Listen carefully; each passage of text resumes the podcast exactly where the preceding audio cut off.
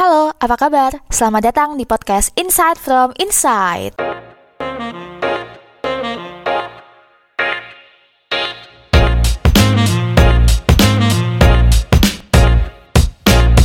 Hai, selamat datang di episode kedua masih bersama dengan saya, Isna. Sebelumnya aku mengucapkan makasih banyak buat teman-teman atas antusiasmenya di episode 1 kemarin.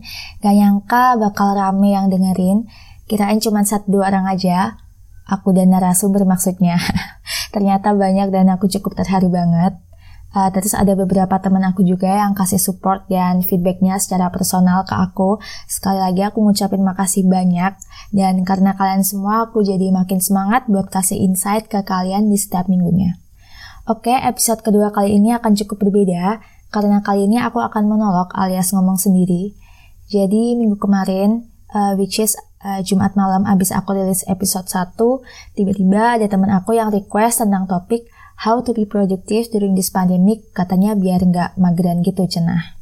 Dan setelah aku lihat kalender, wow, ternyata 2020 itu tinggal seperempat tahun lagi ya. Dan kalau sekarang udah pertengahan Oktober, artinya tinggal dua bulan setengah lagi kita udah menuju ke pergantian tahun di 2021. Wah, cepet banget ya ternyata. Dan di episode kali ini aku nggak akan bahas tips-tips produktif kayak Oh, lo itu harus rajin olahraga buat menjaga stamina dan daya tahan tubuh. Terus lo itu harus makan makanan yang sehat dan bergizi tinggi. Terus lo itu harus ikutan webinar dan online course buat upgrade skill. Terus lo itu juga harus nonton Netflix biar chill. Nggak, aku nggak akan bahas tips yang kayak gitu. Karena ada dan tidaknya pandemi ini pun seharusnya aktivitas tersebut udah seharusnya kita lakuin. Rajin cuci tangan dan rajin pakai masker itu ternyata hanya mampu menjaga kesehatan jasmani kita aja bahwa ternyata selain kesehatan jasmani, kesehatan rohani itu juga perlu perhatian khusus di tengah pandemi COVID-19 seperti ini. Dan inilah sebenarnya yang pengen aku tekankan di sini, bahwa kesehatan fisik dan kesehatan mental itu udah jadi dua kunci utama dalam meningkatkan imunitas tubuh kita di tengah pandemi seperti ini. I don't know it's kinda too late or not if I want to bring up this topic to you guys, but menurut aku cara paling efektif dan ampuh untuk bisa produktif dan keluar dari comfort zone kita itu adalah dengan cara kita menemukan ikigai kita sendiri. Apa sih nah ikigai itu? Ikigai itu berasal dari bahasa Jepang, artinya the purpose of life and the reason to wake up every morning.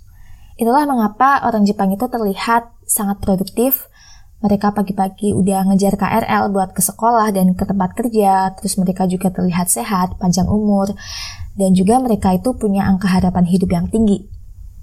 Sebenarnya pertama kali aku dengar istilah Ikigai itu pas aku masih kuliah. Waktu itu pas pertama kali aku dengar yang terlintas di pikiranku adalah, Hah, apaan nih? Apakah ini anim? Apakah ini salah satu judul film dari studio Ghibli? Biasa ya kan, pas waktu itu masih jadi intelektual organik yang sok-sok suka cari-cari referensi buku gitu biar makin menunjang keidealisan seorang mahasiswa. Akhirnya sampailah pada rekomendasi seorang kerabat tentang buku berjudul Ikigai The Japanese Secret to a Long and Happy Life. A friend of mine ever told me that routinity is boring lo itu harus bangun pagi, terus mandi, kemudian siap-siap buat berangkat ke sekolah atau ke kampus atau ke tempat kerja. Terus lo itu melewati jalan yang sama, lo harus melakukan pekerjaan yang sama from 7 to 4 or 8 to 5 gitu terus dari hari Senin sampai hari Jumat dan at the end of the day energi lo akan terkuras habis and you feel drained. Terus jadinya pada hari Sabtu dan Minggu itu hanya lo pakai buat rebahan dan recovery buat hari Senin di minggu depannya lagi. Jadi ya wajar aja kalau tiba-tiba di tengah jalan kita kehilangan motivasi kita untuk melanjutkan hidup ini. Surprisingly, Ikigai bisa jadi alasan supaya kita bisa tetap semangat untuk menjalani hidup walaupun kita semua sedang berada di masa pandemi seperti ini. Dalam hal ini, Ikigai memiliki empat konsep utama atau empat diagram Venn, seperti kita belajar matematika. Di dalamnya itu ada passion, mission, vocation, dan juga profession. Oke, sekarang kita akan breakdown satu persatu.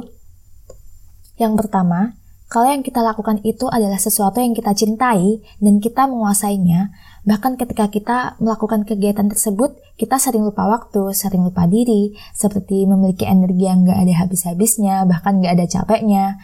Nah, itulah yang dinamakan passion. Naluri ini muncul secara alamiah dalam diri kita dan kita pun bisa mengubah passion kita ini juga tentunya. Yang kedua adalah kalau kita udah passionate sama sesuatu dan orang-orang sedang membutuhkannya, itulah yang dinamakan mission. Maksudnya adalah uh, apa sih yang kira-kira dunia sedang butuhkan untuk saat ini? Misalnya, dengan aku membuat podcast ini, aku bisa menyalurkan insight-insight yang aku dapat untuk teman-teman di luar sana. Kemudian aku bisa memfasilitasi teman-teman untuk saling bertukar topik, cerita, dan juga pengalaman. Yang ketiga adalah kita itu dibayar untuk apa? Itulah yang dinamakan vocation. Maksudnya adalah kita itu untuk mendapatkan penghasilan dari ngapain aja sih? Apakah dengan melakukan hobi kita mendapatkan cuan atau justru kita mengeluarkan cuan demi hobi? Kita harus bisa membedakan mana passion, mana hobi. Biasanya passion itu adalah sesuatu yang kita senang untuk mengerjakannya dan syukur-syukur emang bisa menghasilkan uang. Sementara hobi adalah sesuatu yang kita senang mengerjakannya namun kita biasanya memerlukan uang untuk melakukan hal tersebut. Kasarannya, gak menafik juga kan kalau kita melakukan sesuatu itu pasti karena kita butuh uang. Kita butuh uang untuk bertahan hidup. Ya kalau disuruh milih, mending milih stres tapi punya duit daripada stres tapi nggak punya duit. tapi ya nggak selamanya kok uang itu bisa membeli kebahagiaan. Semua balik lagi ke individu masing-masing. Yang keempat adalah kalau kita capable dalam sesuatu dan skill kita dibayar, itulah yang dinamakan dengan profession. Maksudnya adalah, apa sih keahlian kamu saat ini? Apakah ini udah sesuai dengan purpose life kamu atau belum? Coba cek lagi.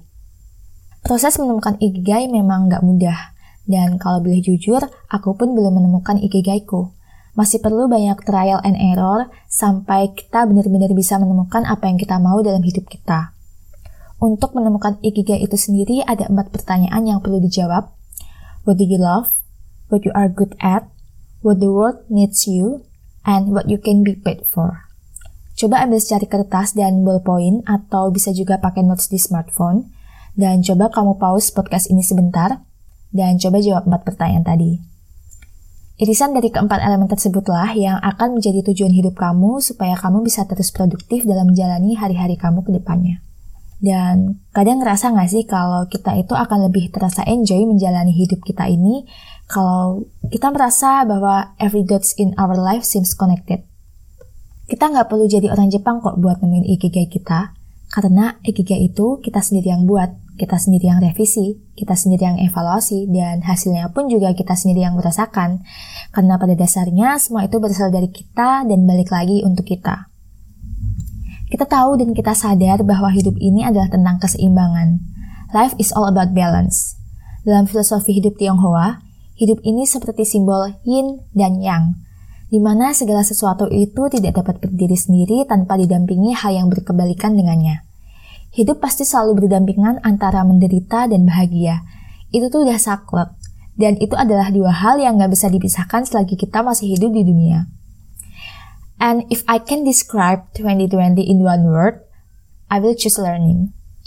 Di tahun ini aku lebih banyak belajar buat let it go terhadap sesuatu yang gak bisa aku dapetin. I'm still trying not to lose my hope because better days are coming.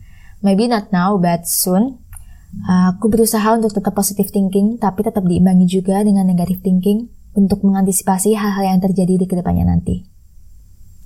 Buat teman-teman yang di awal tahun 2020 udah bikin resolusi segala macam dan terus ketiban sama pandemi, aku cuma bisa kasih semangat karena pandemi ini gak cuma terjadi di Indonesia aja, tapi seluruh dunia juga merasakannya. Nggak pilih-pilih mau kamu perempuan, mau kamu laki-laki, mau usia muda, mau usia tua, mau dia kaya, mau dia berkecukupan, semua juga merasakan hal ini. And you're not alone. Ini semua adalah tentang proses. Proses untuk membuat kita menjadi pribadi yang lebih baik dari hari kemarin. When you are moving forward, yes, you are progressive. But if you're not, so you are regressive or you are stagnant. Apa yang kamu tuai adalah apa yang kamu tanam, dan apa yang kamu berikan adalah apa yang kamu dapatkan. So, sekali lagi teman-teman, fisik boleh terkurung di dalam rumah selama pandemi, tapi pikiran harus tetap terbuka dan harus tetap open-minded. Be adaptive to all these current conditions. That's why it's important to keep doing things of value, making progress, and shaping the world around you. Uh, don't forget to keep smile and cheer up even though, yeah, life is hard. And last but not least, follow and pursue your ikigai. And if you still don't know your ikigai yet, try to discover it. And I wish you a happy life to continue your beautiful life during this pandemic. See you!